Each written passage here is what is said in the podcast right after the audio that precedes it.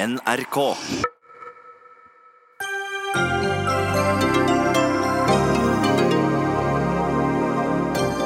Harselerende, respektløst, øh, respektløst og trakasserende.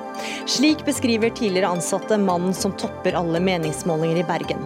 Ondskapsfullt og slemt, mener lederen i Nei til bompenger i Bergen, Trym Aafløy, som går til krig mot bergenspressen.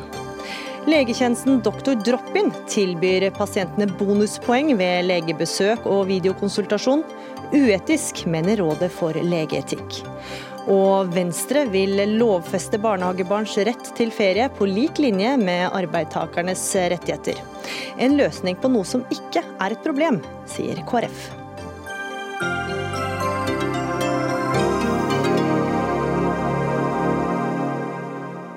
Ja, du hører eller ser på Dagsnytt 18 denne onsdagen. Jeg heter Gry Veiby.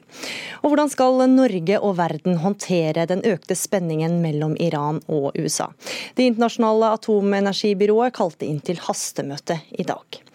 Men vi starter med han som det siste halvåret har satt bergenspolitikken på hodet. For de siste dagene har bergensavisene satt kritisk søkelys på mannen som på alle meningsmålinger leder byens største parti. I går kunne vi lese i Bergensavisen at tidligere ansatte ble skjelt ut og trakassert av daværende sjef Trym Aafløy, som nå leder folkeaksjonen Nei til mer bompenger i Bergen, partiet som har en oppslutning på 25% i byen. Og I dag fulgte Bergens, Bergens Tiden opp. De har intervjua flere tidligere gjester på kafeen, som forteller at de har slutta å gå dit pga. måten Aafløy behandla de ansatte på.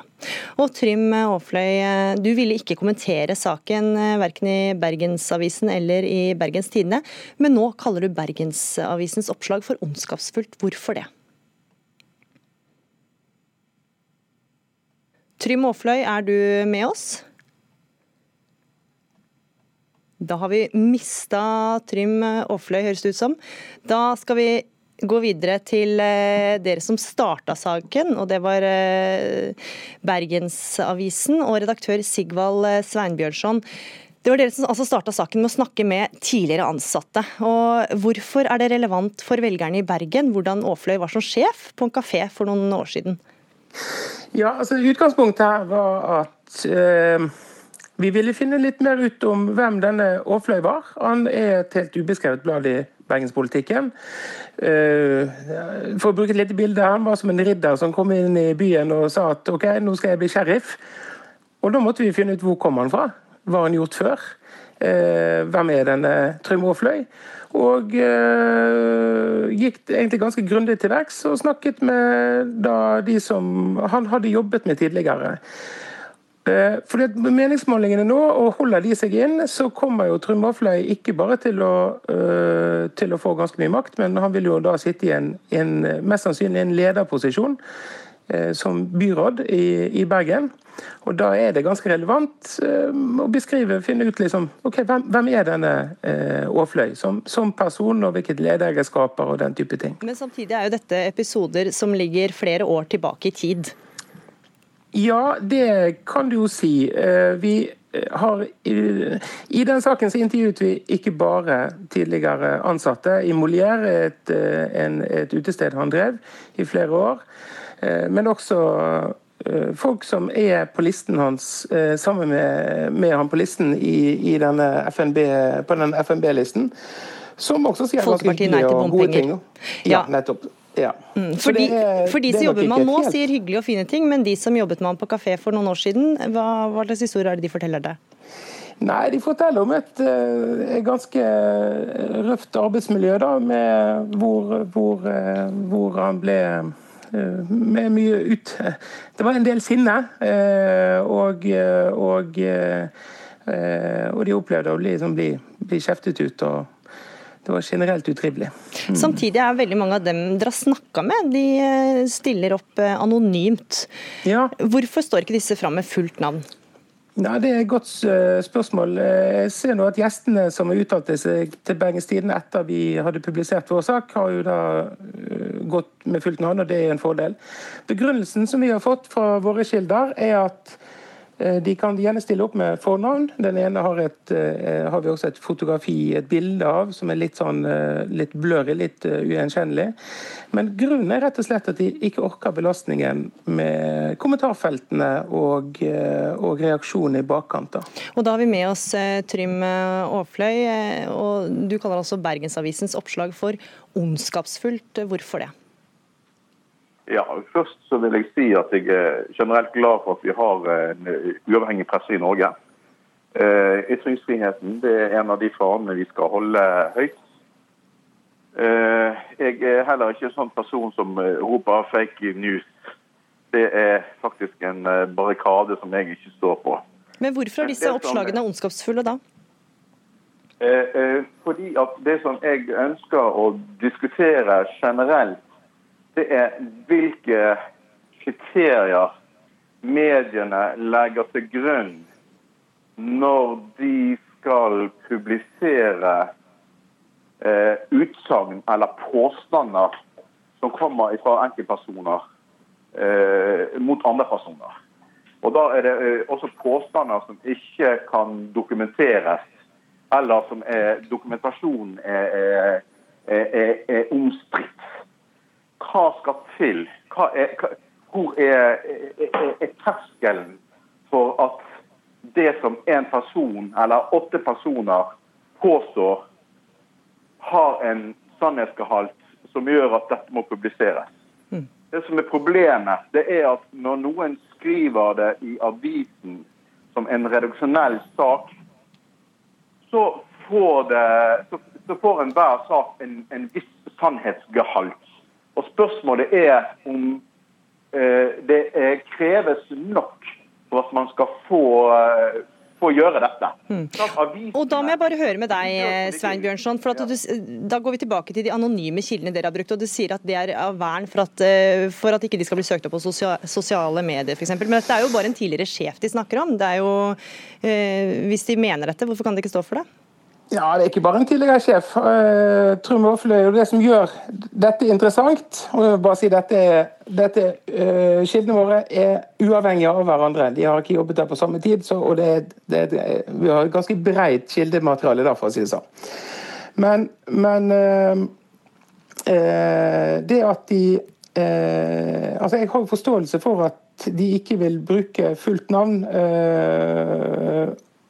med tanke på altså, Trym Aafle er ikke bare en tidligere sjef. Dette er no, det som kan bli den mektigste mannen i bergenspolitikken. Og Det er det som gjør dette interessant. Mm. Åfløy, eh, vi skal snakke mer om det presseetiske snart, men først skal vi altså ta, gå til anklagene. For Bergensavisen, som vi også har snakka om her, har eh, snakka med tidligere, åtte tidligere ansatte, og de forteller om et arbeidsmiljø prega av kjefting. Og du skal komme ut med upassende kommentarer og skjelt ut de ansatte foran gjestene. Og hva, hva sier du til det? Ja, altså, Nå går du inn på uh, uh, ting i, i artikkelen.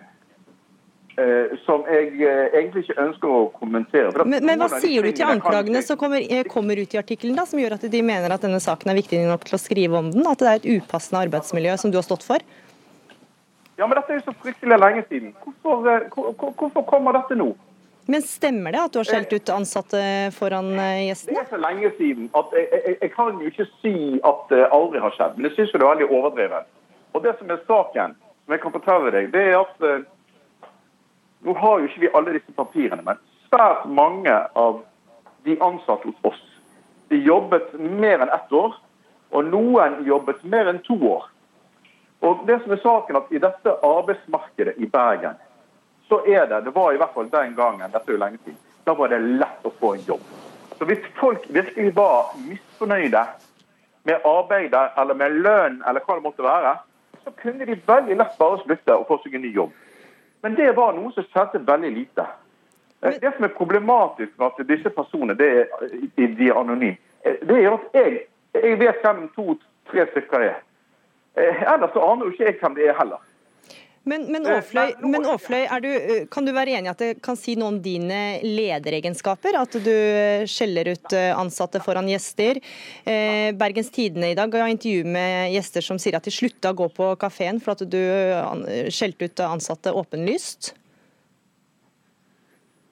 Ja, det, det kan vel tenkes. Men den eh, Bergens Tidende-saken, den eh, eh, Altså, hvis folk har disse tingene, så kan jo ikke jeg eh, gjennom eh, Eller imøtegå det. Det er litt trist.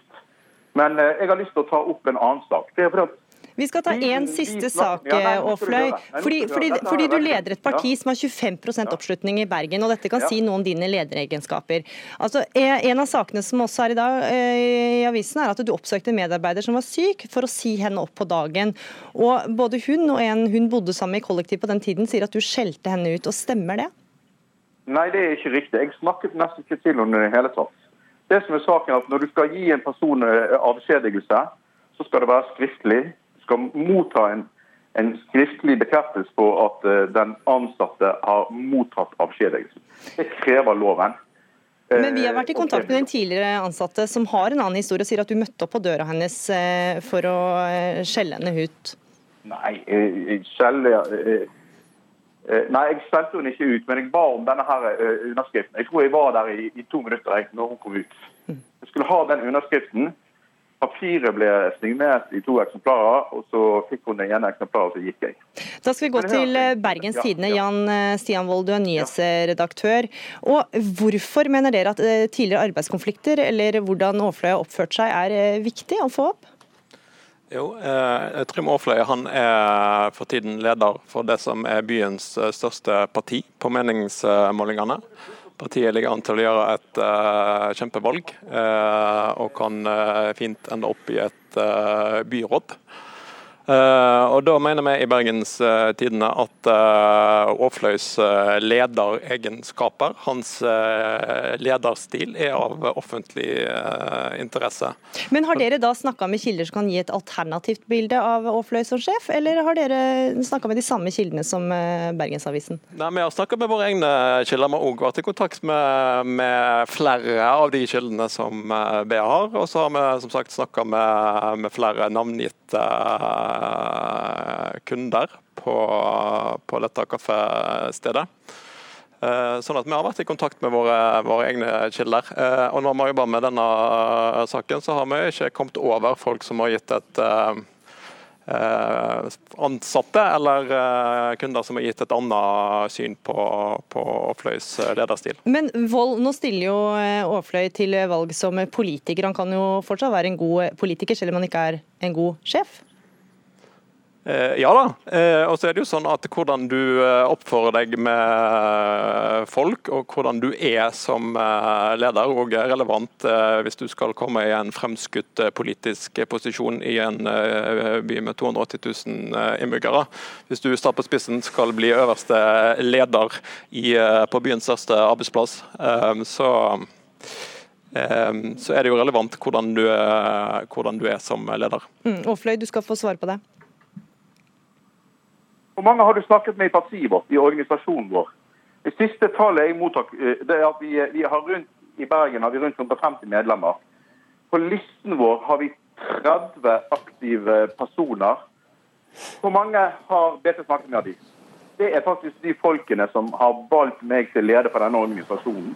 Det er høyt utdannede, bl.a. ledere i næringslivet. som, Og, Og Vold, må jeg spørre Vold, men har ikke det hatt noen eh, innvirkning, Vold? Altså, eh, de Partivennene til Aafløy gir han jo veldig gode skussmål. De dere har snakket med, er jo noen han var sjef for eh, for flere år siden. Ja, da, men nå har vi valgt å gå inn akkurat i denne saken og gå inn i den uh, konk konkrete eh, problemstillingen. At uh, at, at uh, Aafløys partifeller går god foran, det, det har ingen grunn til å, til å mistro. Svein Bjørnson, eh, Aafløy drev denne kafeen i Bergen i tolv år, eh, og sier selv han hadde over 100 ansatte. Det er jo naturlig at ikke alle liker sjefen sin? Ja, det, eh, det skulle nesten bare mangle, det. Eh, Men altså, utgangspunktet var, var ikke å prøve å finne noen som hadde noe dårlig å si om Trym. Det var det ikke. Og jeg kan bekrefte det som eh, Jan Stian Wold eh, sier. Vi har sikkert snakket med mange av de samme, jeg vet ikke. Men vi lette nå eh, grundig, og vi brukte veldig lang tid på dette. Dette er en sak vi har jobbet med eh, ganske iherdig i hvert, ja, nesten to måneder. Mm. Så har vi jobbet med denne saken sånn, på, og for å finne, for å finne liksom, alternative stemmer og et annet bilde da, enn det som eh, de kildene endte opp med. Men det, det lyktes vi ikke med.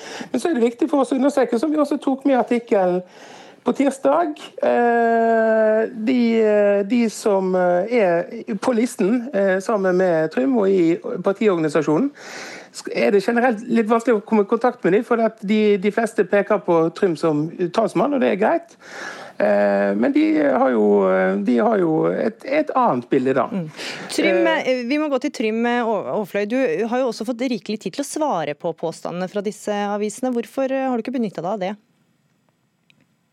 Nei, det har sin enkle forklaring. at eh, selv om disse personene har kommet med utsagn som jeg tar ansvar for, så så har jo faktisk et arbeidsgiveransvar. Og Der ligger det en konfidensialitet i bunnen. Og eh, jeg, Jeg kan jo da ikke gå ut og begynne å, å, å, å karakterisere eh, bl.a. mine ansatte og, og, og, slike ting. Det ville være useriøst. Helt, helt kort til slutt, Aafløy. Hvordan, hvordan vil du forholde deg til avisene nå fram mot valget? Nei, Nå er det jo kommet en ny sak. Mens vi har holdt på her i ettermiddag, så holder BA på å smøre ut en ny sånn hetssak mot meg, som sikkert kommer på nettet i kveld og i avisen i morgen.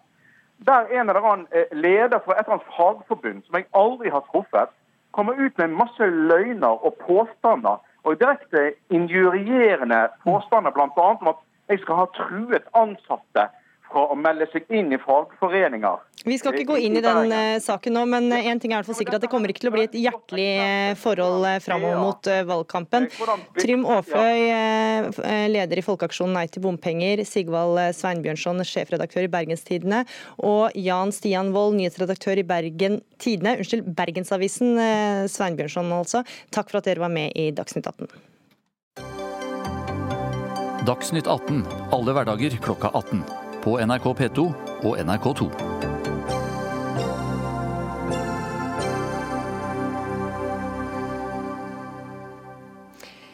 I dag kalte Det internasjonale atomenergibyrået IAEA e inn til hastemøte i Wien, og dette etter initiativ fra USA. På møtet diskuterer de hvordan håndtere situasjonen etter at Donald Trump trakk USA fra Iran-avtalen og den økte spenningen i Gulfområdet. Og Joakim Nahem, eh, du er partner i analyse- og rådgivningsselskapet The Governance Group, eh, tidligere seniorrådgiver i eh, NUPI. Hvorfor kalles det nå inn til dette hastemøtet? Ehm, dette hastemøtet har med Det internasjonale atomenergibyråets rolle i atomavtalen å gjøre. Eh, atomavtalen som ble inngått i 2015 eh, mellom verdensmaktene og eh, Iran, var slik at atomenergibyrået har en slags vaktbikkjerolle. De skal verifisere Irans atomprogram. Eh, nå har Iran selv sagt at de er i ferd med å bryte avtalen ved å anrike uran. Eh, og da har USA som medlem i dette byrået kalt inn til et hastemøte hvor man skal diskutere dette. Eh, og hva, håper, hva håper, USA å oppnå da med dette? Nei, altså Det er jo det som er litt interessant, at USA prøver å få pose og sekk her. Det er jo de som har trukket seg fra atomavtalen, men samtidig så vil man jo da straffe Iran eller kalle dem inn på teppet for et brudd på avtalen. Eh, og under det mandatet som atomenergibyrået har.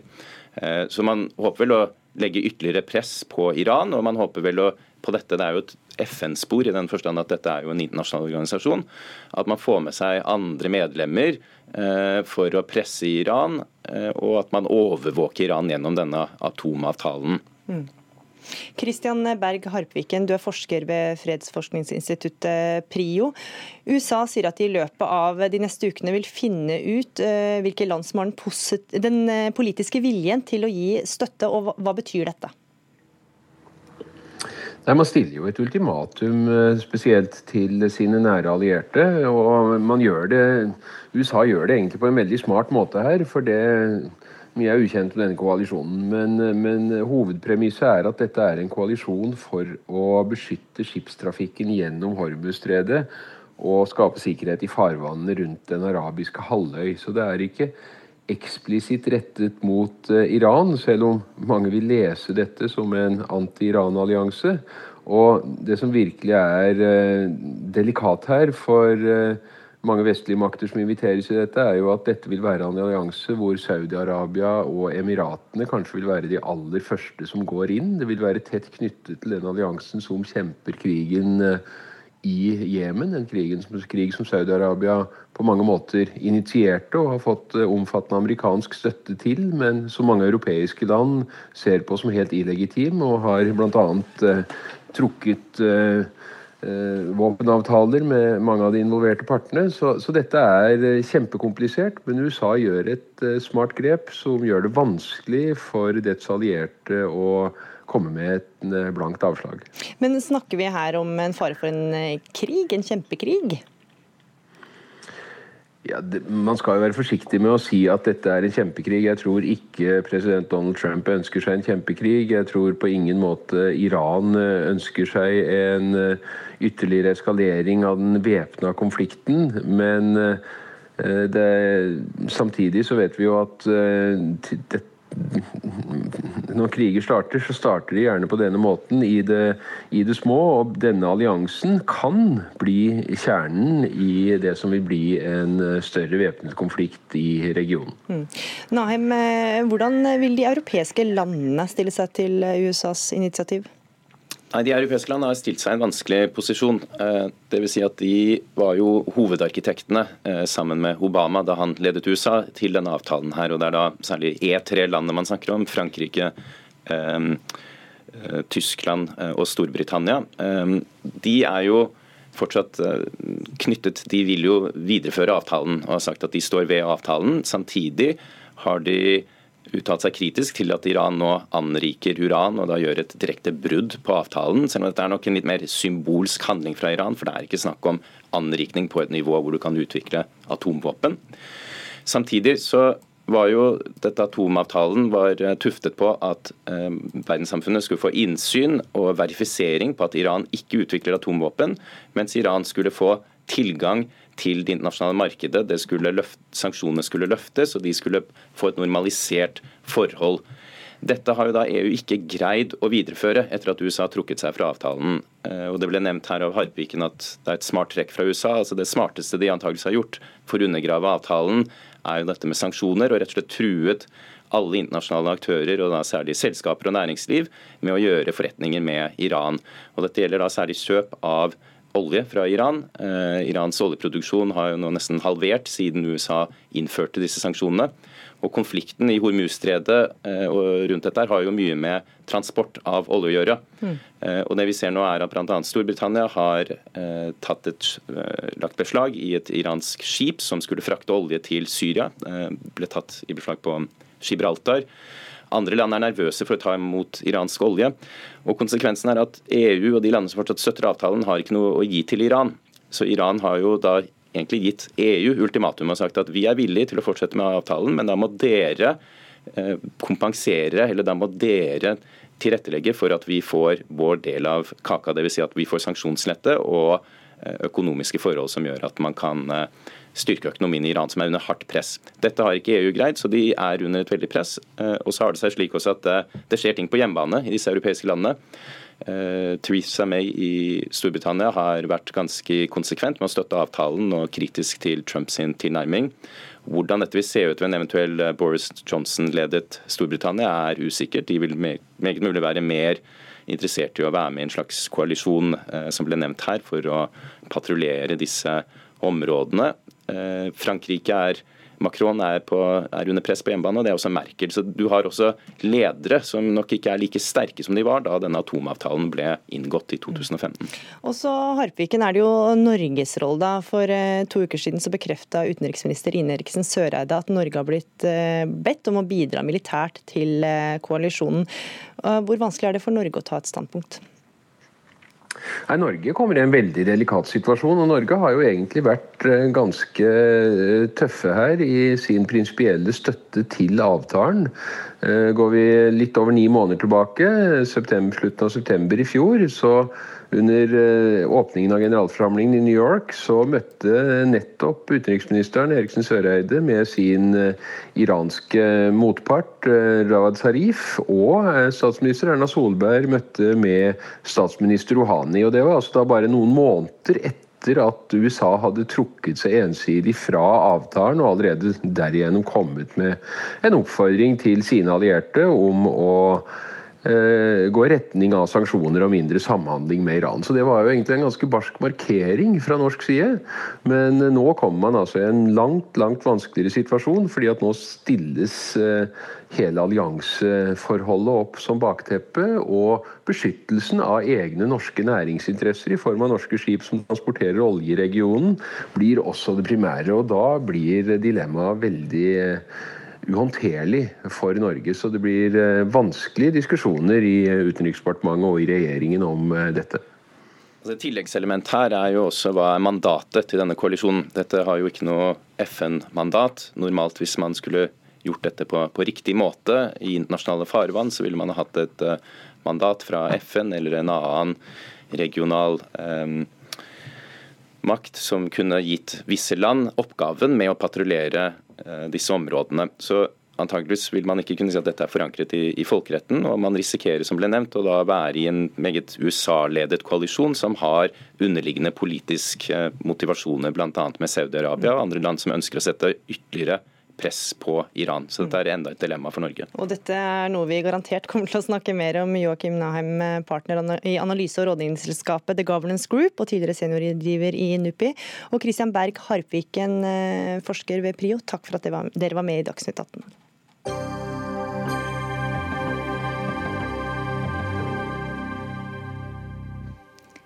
Snart skal du få høre at regjeringa vil redusere antall fotobokser på norske veier. Ubegripelig, mener Trygg, Trygg Trafikk, som møter Frp til debatt. Da skal det handle om økonomi. For hvor godt treffer Norges Bank, eh, Banks spådommer om norsk økonomi? Veldig bra, skal man tro flere nøkkeltall som er blitt sluppet de siste dagene. Det er nemlig god fart i norsk økonomi om dagen, med en økning i verdiskapningen på 0,7% siste tremånedersperiode fra mars til mai, ifølge SSB. Og I dag kom tall som viser at Norge, prisene i Norge har steget 2,3% de siste tolv månedene. Olav Skjenn, eh, du er porteføljeforvalter i Storebrand. Eh, Norges Bank satte opp eh, styringsrenta i juni. Og Hva betyr tallene som har kommet de siste dagene for neste rentemøte i september? Tallene kom stort sett som ventet og slik Norges Bank hadde sett for seg. BNP-tallet var litt høyere, mens inflasjonstallet var litt lavere. Så I sum så går det i retning av at de fastholder sin strategi med å heve renten eh, videre. De har tidligere indikert i den såkalte rentebanen at de vil øke renten kanskje i september. Eh, I hvert fall en gang til frem til desember. Eh, med dagens eh, utsikter så tror jeg vel at september er høyst sannsynlig med de tallene vi har fått. Hmm. For her i Norge så er sentralbanksjef Øystein eh, Olsen innstilt på å få opp rentenivået etter et tiår med lave renter pga. finanskrisa i 2008 og oljesmellen fra 2014. Og Det samme hørte vi tidligere fra EU og USA. Men nå snakkes det om at USA kan være i ferd med å sette ned renten igjen, og EU vil starte å trykke penger. Så hva har skjedd?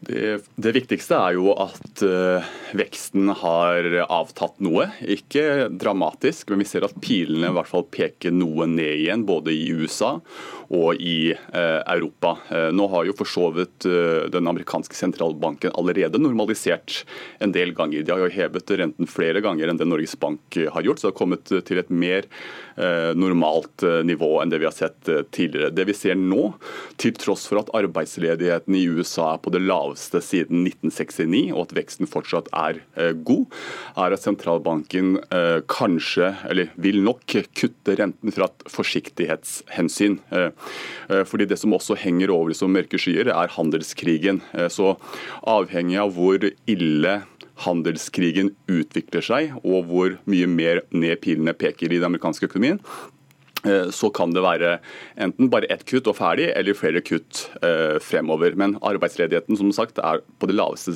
nivået siden 1969. Og eh, man bør egentlig ikke ha hastverk med å kutte mange renter. Europa derimot er en helt annen situasjon. Der ser vi at veksten har avtatt ganske kraftig. Og godt gått i over et år nå. slik at Der prater man at man allerede skal begynne å trykke penger igjen. Mm. som sagt. De har jo stopp, prøvd å normalisere det.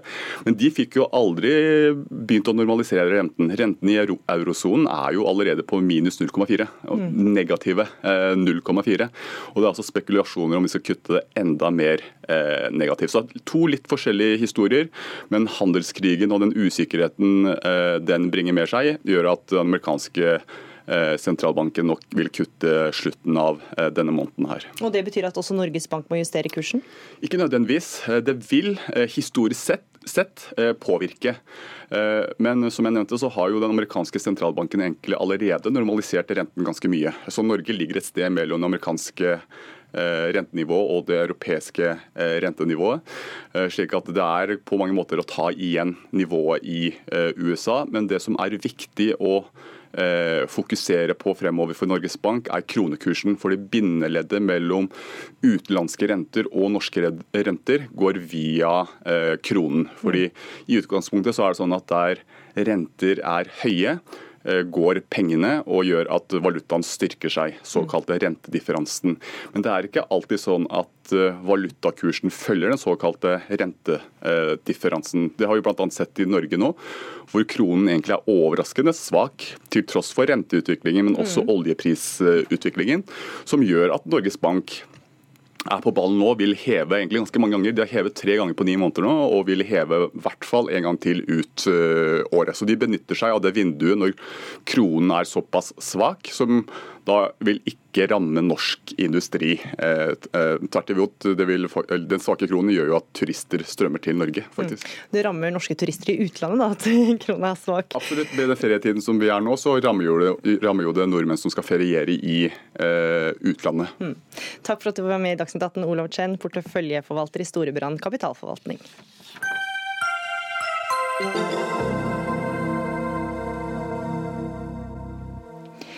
Hos eh, legeklinikken Dr. Droppin, som har etablert seg i Oslo, Bergen og Trondheim, får du ikke bare en legetime, du får også reisepoeng gjennom Norwegians eh, bonusprogram når du går til legen.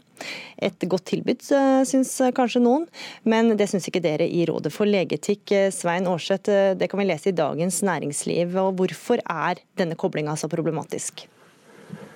Nei, Vi mener jo at det er egnet til å, å svekke tilliten til uh, helsetjenesten generelt, og, og tilbyderne spesielt. Og vi syns det er en uheldig sammenblanding. Det skaper et useriøst inntrykk, og det kan være egnet til unødig bruk av helsetjenester. Men hvordan svekker det eh, tilliten? Når du har en klinikk som har en samarbeidsavtale med et kredittkortselskap, Bank Norwegian, og et flyselskap, altså Norwegian, eh, så, så, synes vi det er eh, å rote tingene unødig sammen. Og det mener vi svekker tilliten. Mm. Daniel Sørli, eh, lege og daglig leder i Doktor Droppin. Hva sier du til at det dere holder på med svekker tilliten? Nei, Først vil jeg si at Rådet for legeetikk har en viktig rolle i Helse-Norge. Og er høyt respektert av meg. Det er ikke dem vi snakker om nå. og alle legene som jobber hos oss. Mm. Um, Rådet for legeetikk mener at eh, denne avtalen fører til unødvendige legekonsultasjoner. med dertil... Men la oss snakke om det først, at det svekker tilliten, da. Ja. Um, vi opplever uh, på ingen måte at uh, dette svekker tilliten. Vi, tror, lege, vi, mener Legeforeningen undervurderer norske pasienter når de tror at um, man må betale 600 kroner for å gå til legen, og så får man 28 cashpoeng for det. Og Det gjør at du går en unødvendig gang til legen. Det mener vi er en undervurdering av pasientene. Vi har gjort dette som en del av en markedsføringsstrategi. der Vi, vi er en privat aktør som ønsker å gjøre oss, ønsker å gjøre oss kjent for eh, så mange pasienter som mulig. Eh, og det å ha en, eh, en liten rabatt på en tjeneste mener vi ikke medfører økt og unødige legekonsultasjoner og overdiagnostikk og overbehandling. Men La oss gå til det med tilliten først. Da. Det at dere tilbyr eh, bonuspoeng for å gå på, til legebesøk, svekker ikke det litt uh, avtalen mellom eh, lege og pasient? Nei, vi syns ikke det. Eh, vi tenker at eh, vi bruker dette som en eh, måte å differensiere oss fra andre aktører på. Så om du er i behov av å gå til legen eller snakke med legen på video, så kan du gjøre oss. Og da har vi et samarbeid med en eller flere aktører i Norge. Mm. Ja, Årsett, En time hos Dr. Drop-in er betydelig dyrere enn et besøk hos fastlegen, så man kan vel ikke akkurat tjene inn på bonuspoengene man opparbeider seg? Nå er det jo slik at Dr. Drop-in eh, selv sammenligner seg med andre private aktører, og ikke med fastlegene når det gjelder pris. Eh, men i tillegg til dette med bonuspoeng, så har de også gjennom Bank Norwegian nå et sommertilbud hvor du kan få to gratis eh, videokonsultasjoner hvis du bruker kredittkortet til Bank Norwegian. Ja, det, det, det, er riktig. Så er det sånn at rett over 800 000 nordmenn er gjennom helseforsikring dekket av å bruke dekket, altså få gratis legekonsultasjoner på video hos eh, flere av konkurrentene våre. Eh, vi ser ikke noen stor forskjell på dette i det hele tatt. Dette er ment som eh, en del av en reiseforsikring som man får gjennom Bank Norwegian-kortet. Men hva har egentlig bonuspoeng i et flyselskap å gjøre med en legekonsultasjon? Um, Burde ikke dere tilby heller eh, bonuspoeng i et apotek, eller eh, noen andre ting som er legerelatert eller medisinsk relatert? I, gjennom denne avtalen så får vi eh, vist eh, tjenesten vår, hva det er vi tilbyr, på en edruelig måte til veldig veldig mange nordmenn. Og eh, når man er en eh, startup, så kan det være en fornuftig måte å nå mange potensielle Eh, pasienter på. Mm. Uten at man trenger å dra inn sterke begreper som eh, uetisk og overforbruk av helsetjenester. for det er ikke det som er intensjonen. Mm. Og det er de begrepene dere har dratt inn, Aarseth? Ja, vi har også sagt til dr. Drop-In at vi oppfordrer dem til å, å, vurdere hvilke signaler de ønsker å sende, hva slags bedrift de ønsker å bli oppfattet som i markedet. Og jeg tror det er få saker hvor vi har fått flere henvendelser enn i dette tilfellet fra forskjellige hold. Så jeg tror også at forbrukerne er kloke mennesker og gjør kloke valg, men samtidig så, så er det altså slik at vi som leger bør være meget nøkterne i hvordan vi markedsfører men, men, men Årseth, om eh, forbrukerne eller pasientene er kloke mennesker, hvordan kan det da føre til overforbruk og benytte seg av dette tilbudet?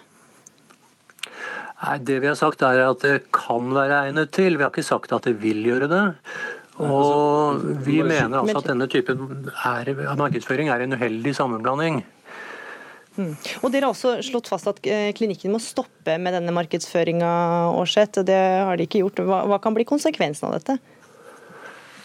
Nei, altså vi Dr. Drop-in hadde da vi tok det opp første gang heller ikke hvem som er medisinsk ansvarlig lege på sine nettsider. Det er nå på plass. Men uh, Sørli har jo i media sagt at han ikke har til hensikt å stoppe dette her. Og da må jo vi vurdere om uh, Eh, vi skal gå videre med denne saken, og det er i tilfelle å vurdere om eh, doktor Sørli da fortsatt bør være medlem av Legeforeningen. Mm. Men det er opp til sentralstyret å avgjøre, og ikke oss. Ja, Sørli, du kan faktisk miste legebevilgningen? Nei, jeg kan miste medlemskapet i Norske legeforening. Um, vi har besvart uh, henvendelsen fra dere skriftlig, Aarseth, og ser fram til å diskutere det um, under, på en edruelig måte over sommeren. Um, Ehm, ja. Hva sier pasientene deres om eh, disse bonuspoengene? Er det mange som kommer til dere pga. bonuspoengene? Eh, nei. Eh, altså, eh, den eh, andelen, eller Det totale antallet pasienter vi har fått på bakgrunn av denne avtalen, det, det sitter jeg ikke på her og nå. Eh, men det er en veldig liten del av det totale volumet av pasienter vi ser. Ehm, og vi, våre leger rapporterer heller ingen annen atferd eller oppførsel, at de, de pasientene kommer med noe mindreverdige eller merkelige ting til oss bare for å få bonuspoeng. Men Ville dere mista pasienter om dere hadde slutta med disse bonuspoengene, tror du? Eh, vi ville kanskje fått noen færre, eh, men eh, ja. Hmm. Det, det, er litt vanskelig å si. Mm. Daniel Sørli, lege og daglig leder for Dr. Drop-in, og Svein Aarseth, leder i Rådet for legeetikk, takk for at dere var med i Dagsnytt 18. Hør Dagsnytt 18 når du vil. Radio NRK.no.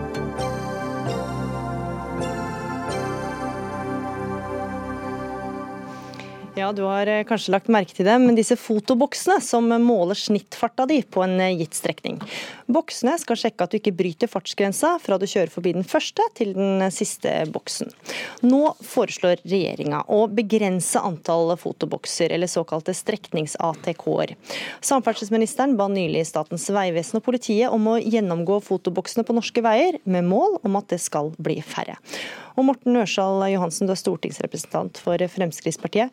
Hvorfor vil dere redusere antall fotobokser, når det potensielt kan være med å redde liv? Det kan sikkert være med å redde liv, men det som redder flere liv, det er at vi gjør noe med veistandarden i Norge. Vi har altfor mye dårlige og farlige veier.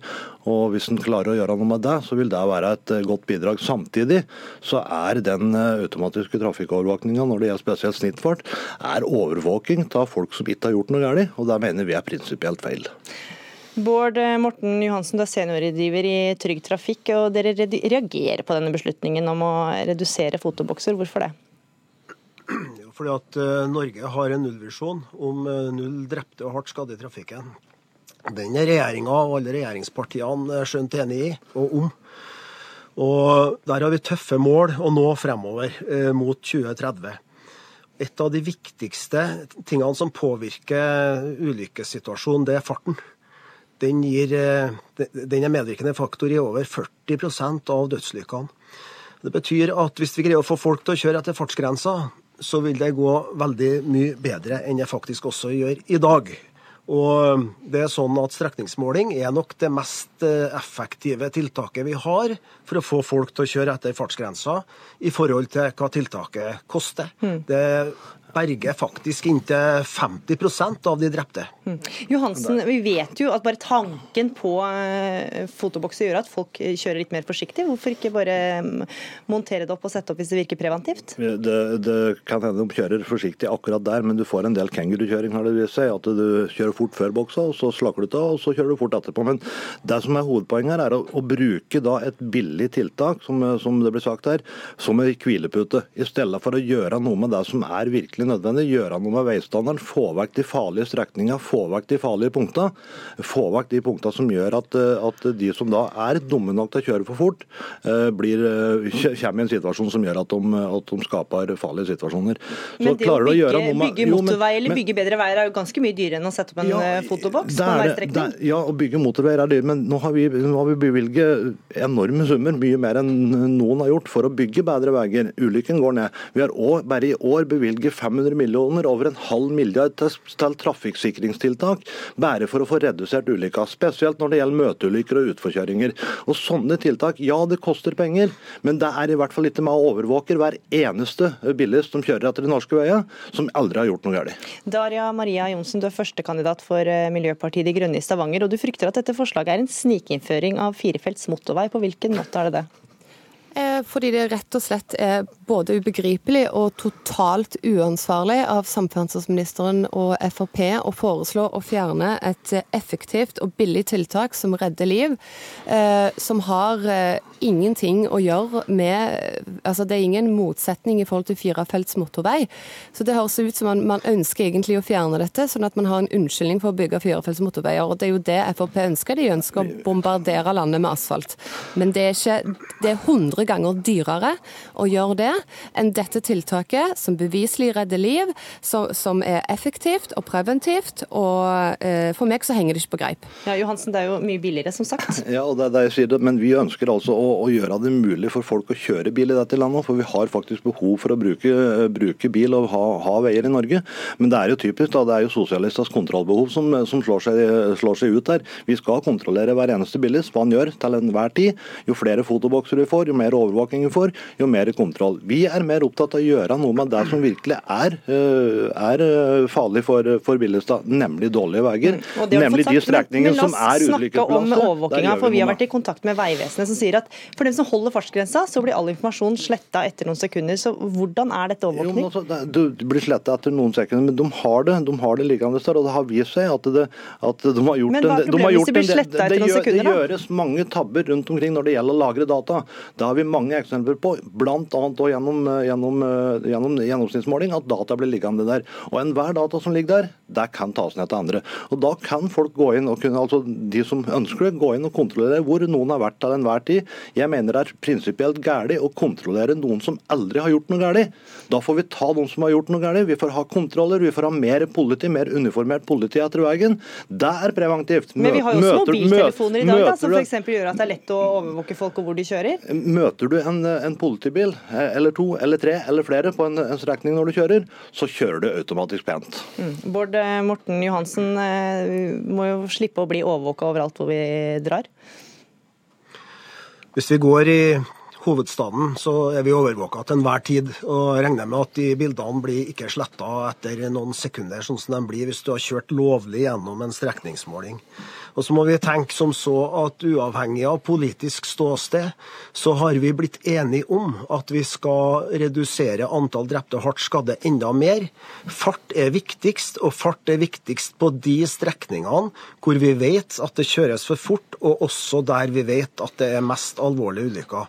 Det får vi bort ved å bruke strekningsmåling, og det kan ikke settes opp imot sikring av sideterreng, fysisk midtdeler, eh, rumlefelt, sinusfresing osv., som er andre tiltak som virker på en annen måte, og som vi selvfølgelig også ønsker velkommen. Og Morten Ørsal Johansen, man kan jo også si at det kan være verdt å bli overvåka litt, hvert fall hvis det redder liv? Jeg mener at det er prinsipielt galt uansett å overvåke folk som ikke har gjort noe galt. Eh, og så må man da se på, på hvilke, hvilke, områder du overvåker. Han sier at vi overvåkes hver eneste skritt vi tar i Oslo. Ja, det er greit. da. Vi kan overvåkes hvor enn vi går. Vi overvåkes gjennom mobiltelefoner, gjennom bankbruk, gjennom nettbruk, når du kjører bil. Altså, hvor langt er vi villige til å strekke den overvåkinga? Skal vi da kunne akseptere mer og mer overvåking, og at alt du gjør hva alle gjør til enhver tid, skal kunne loggføres. Det spørsmålet skal gå til deg, Daria Maria Johnsen, for dere vil bruke fotobokser mer og ikke mindre?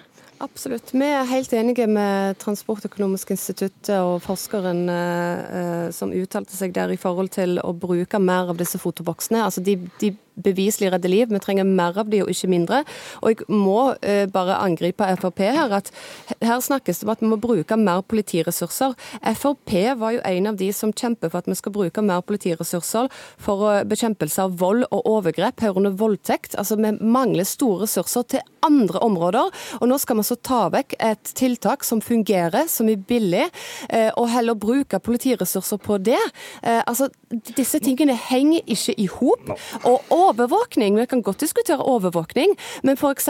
den overvåkningen, den redder liv. Mobilovervåkningen, den redder kanskje ikke så mange liv. Ønsker Frp å forby mobil? Ønsker Frp å forby kameraer i sentrum, som også eh, brukes til å overvåke mennesker? Hvorfor skal man ta vekk det tiltaket som funker i trafikken? Morten eh, Ørsal Johansen sitter og eh, ler og rister med hodet her. Ja, jeg, blir, jeg, blir, litt oppgitt over hvordan, eh, hvordan, det, hvordan det, argumenteres. Jeg, som jeg sier, altså, Hvor langt er du villig til å dra den overvåkinga? Tydeligvis så er MDG villig til å dra den veldig langt. og De er veldig villig til å dra den så langt at, at det, det grenser til det som går langt over streken, men de er ikke villige til å gjøre noe for å, å, å, begrense ulykker på andre måter. Så overvåking er altså det aller beste eh, for, for, norske bilister og for samfunnet ellers. Og, og, Hun sier jo tydelig her at uh, hun vil ha mer overvåking, og det får jo da folk ta med seg når de hører denne debatten. Daria Maria Johnsen? Eh, jeg må bare svare at dette her eh, Jeg har aldri sagt at vi ønsker bare mer overvåking. Miljøpartiet De Grønne også for å sikre våre veier. Vi er for å satse mye mer på tog og transport på skinner, som også vil gjøre at mindre folk er avhengig av bil. Og vi er for alle de tiltakene som gjør at eh, det er sikrere og tryggere å komme seg frem. Og der er fotoboksene viktige. De virker, og det er ikke den overvåkningen vi må diskutere. Vi, vi, vi har fotobokser, og det, jeg har ikke sagt vi skal ta over fotobokser, men det er strekningsovervåking overvåkingen. Det er den jeg vil ha vekk. Den gjennomsnittsfartmålinga, den ønsker vi å ta vekk.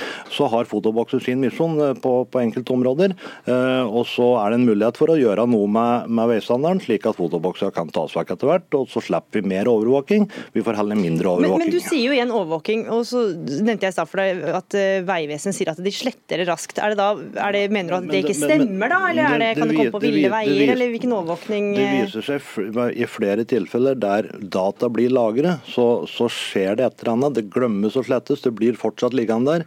Eh, og jo flere overvåkingstilfeller du har, jo mer data ligger der. Og en eller annen får tak i det. Nå er det ikke sikkert at disse data her kan misbrukes på noen måte, men uansett, det har med folks personvern å gjøre. Og jeg mener personvernet er rimelig viktig. Ja, hva sier du til det, Bård Morten Johansen fra Trygg Trafikk? Ja, det ble sjekka ut altså i 2011 av Datatilsynet at det her overhodet ikke var noe problematisk i forhold til personvernet. Det var allerede da streknings-ATK ble presentert første gang i Vegdirektoratet.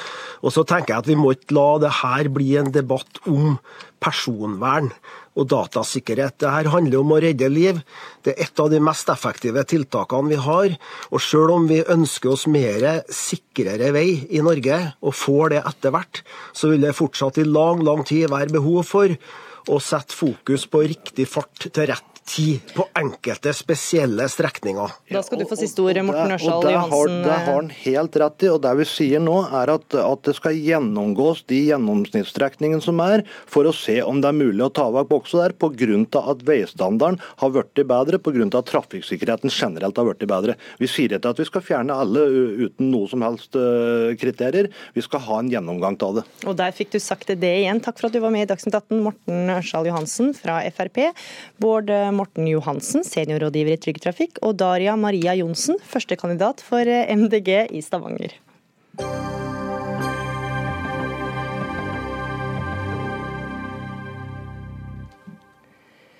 Norske foreldre kan med loven i hånd kreve tre uker sammenhengende ferie mellom juni og september. Men hva med barnehagebarna? Det spør du om, Guri Melby, du er nestleder i Venstre. Og i VG tar du til orde for å lovfeste en tilsvarende rett for de minste. Og hvorfor er det nødvendig? Eh, nå er det heldigvis sånn at de aller fleste barn akkurat nå har ferie, og veldig mange har god og lang ferie også. Eh, men det er altså sånn at vi voksne har en lovfesta rett, som du innleda med å si, til tre uker sammenhengende ferie mellom 1.6 og 30.9, eh, dersom vi ønsker det. Og skolebarna eh, har også tydelige begrensninger gjennom opplæringsloven i hvor lang et skoleår skal være. Og Det gjør jo at de aller fleste skolebarn har da åtte uker ferie på sommeren, i tillegg til vinterferie, juleferie og påskeferie. Men for barnehagebarna så eksisterer ikke noe lignende lovfesta rett. Eh, veldig mange kommuner praktiserer at du er nødt til å ta ut ferie. Noen sier også at du må ha tre uker sammenhengende, slik vi nå har foreslått. Eh, og noen har også sommerstengt, enten deler eller hele juli. Men det er også barn som får lite ferie, og som ikke får sammenhengende ferie. Og jeg tror at barn har akkurat like mye behov for hvile og for familietid, for muligheten til å være hjemme, for muligheten til å gjøre minimalt i noen uker. Og vi vet også at veldig mange mennesker faktisk trenger god tid før man rekker å koble av. Mm. Så Derfor så ønsker vi nå en debatt om hvordan vi kan sikre at vi faktisk oppfyller det som Barnekonvensjonen sier, at alle barn har rett til ferie og fritid. Edel Marie Haukeland, det første nestleder i KrFU. Og andre nestleder. Andre nestleder mm. i Kristelig Folkepartis ungdomsparti. Verken Arbeiderpartiet, SV, Frp eller Høyre har tatt stilling til forslaget fra Venstre, men dette går på tvers av deres familiepolitikk. Eh, sier ja, du hvorfor det? Veldig. Det er, vi mener at alle familier eh, kan ta disse avgjørelsene sjøl. De aller fleste barn har fri på, fra barnehagen, og de få familiene dette her gjelder, vi må ha tillit til at de har gode grunner. Jeg tror ikke de trenger eh, en ekstra skyldfølelse for eh, akkurat dette. Eh, og det er viktig at eh, vi har tillit også til barnehagen, at de eh, ser disse barna som er der hele sommeren. Eh, og vet er, vi vet at de er godt ivaretatt i barnehagen. De får lek, de får hviletid der. og så, ja. Mm. Melby, altså Mange vil jo mene at dette griper inn i eh, familienes rett til å velge selv. Hvordan stemmer det med Venstre som et liberalistisk parti og har tatt til orde for dette her? Ja, det er faktisk ofte ganske krevende når vi skal sikre barn rettigheter. Så vil det ofte gå på bekostning av foreldres valgfrihet og foreldres fleksibilitet. Eh, men så er jo også barn de som kanskje er aller mest sårbare.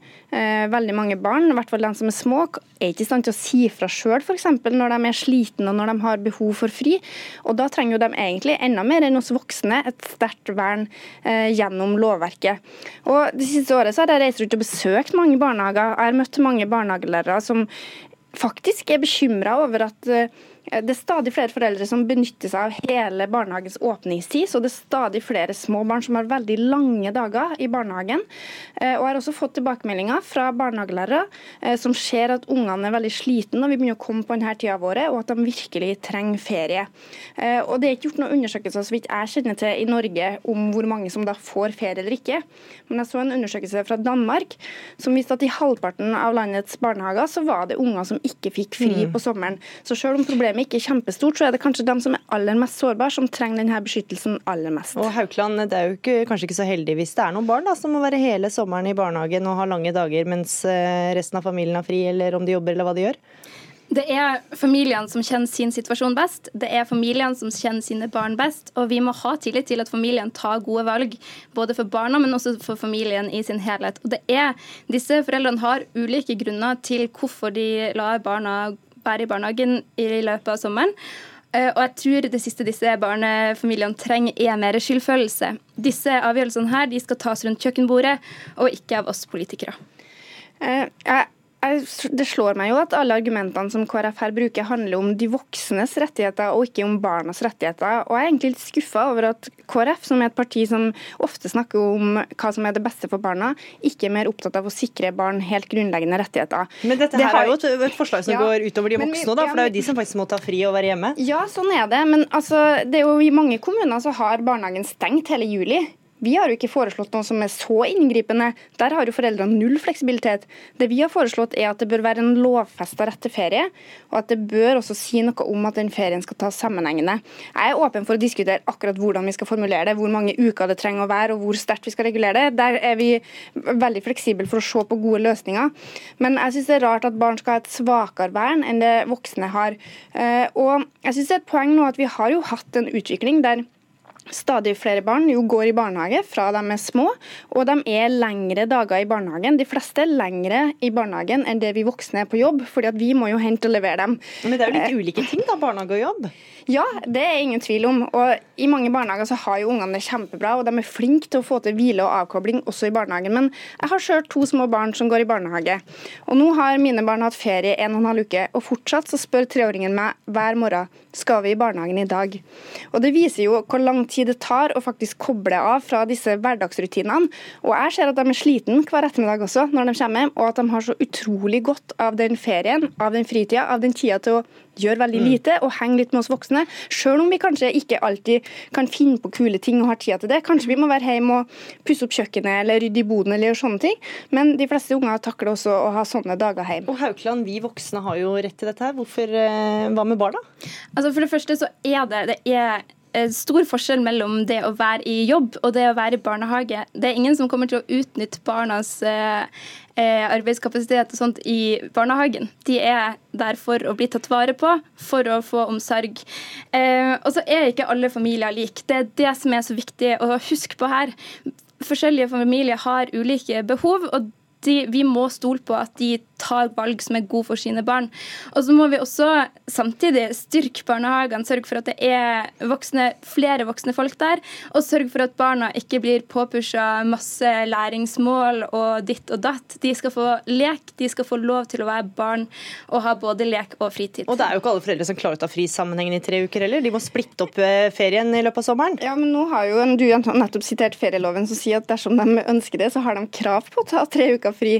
Og hvis de da trenger det fordi at barnehagen er stengt, eller fordi at vi krever det, eh, så har de jo den muligheten. Men altså, jeg er litt opptatt av å si at vi har ikke tenkt å ta bort alt av fleksibilitet. Jeg har ikke tenkt å si at alle er nødt til å ha tre uker i løpet av juli. Eh, for de voksne så er det sånn at du kan kreve tre uker mellom 1.6 og 30.9. Så det kan jo være en mal, men vi kan jo også ha større fleksibilitet enn det. Dersom noen ønsker å bruke det på å ta tre ukers ferie i februar fordi at da det er billigere å reise, så er det helt uproblematisk, mener jeg. Det viktige er jo at vi faktisk sikrer retten til fritid, eh, og at vi sørger for at barna ikke får altfor lange dager. Så Et annet ting vi også ønsker oss, er jo at vi må kunne se på er det på tide at vi regulerer en slags makstid mm. i barnehage, sånn at vi har en maksimum oppholdstid for alle barn. Det er mange nå som pusher grensene. Mange barnehager har åpent fra klokka sju til klokka fem. Ja. Og jeg tror at en toåring som er i barnehagen ti timer hver dag, det er for mye. Du skal få svare kjapt på det, Haukland. Ja, eh, Det er allerede mye reguleringer rundt eh, barn i barnehage. Vi må huske på at foreldre har gode grunner til å la barna være i barnehagen, og vi skal ha tillit til dem. Der fikk du sagt det. Edel Marie Haukeland, første nestleder, eh, andre nestleder, unnskyld meg, KrFU, eh, og Guri Melby, nestleder i Venstre. Stortingsrepresentant for Venstre. Takk for at dere var med i Dagsnytt 18, som er over for denne gang. Ansvarlig for sendinga Fredrik Lauritzen. Det tekniske ansvaret hadde Lisbeth Sellereite, og i studio Gry Veiby.